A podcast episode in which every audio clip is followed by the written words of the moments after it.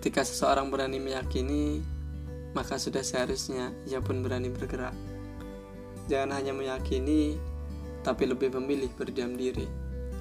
Jangan biarkan segala sesuatu yang tidak memberikan jaminan apa pun kepadamu menghentikan langkahmu dan menghalangi jalanmu.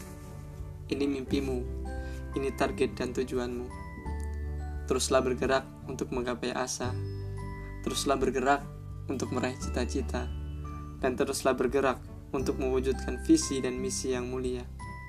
Barangkali sekarang sekadar wacana, tapi saat memutuskan untuk terus bergerak, percayalah bahwa suatu hari akan muncul perasaan di hati jika hidup sangatlah berarti.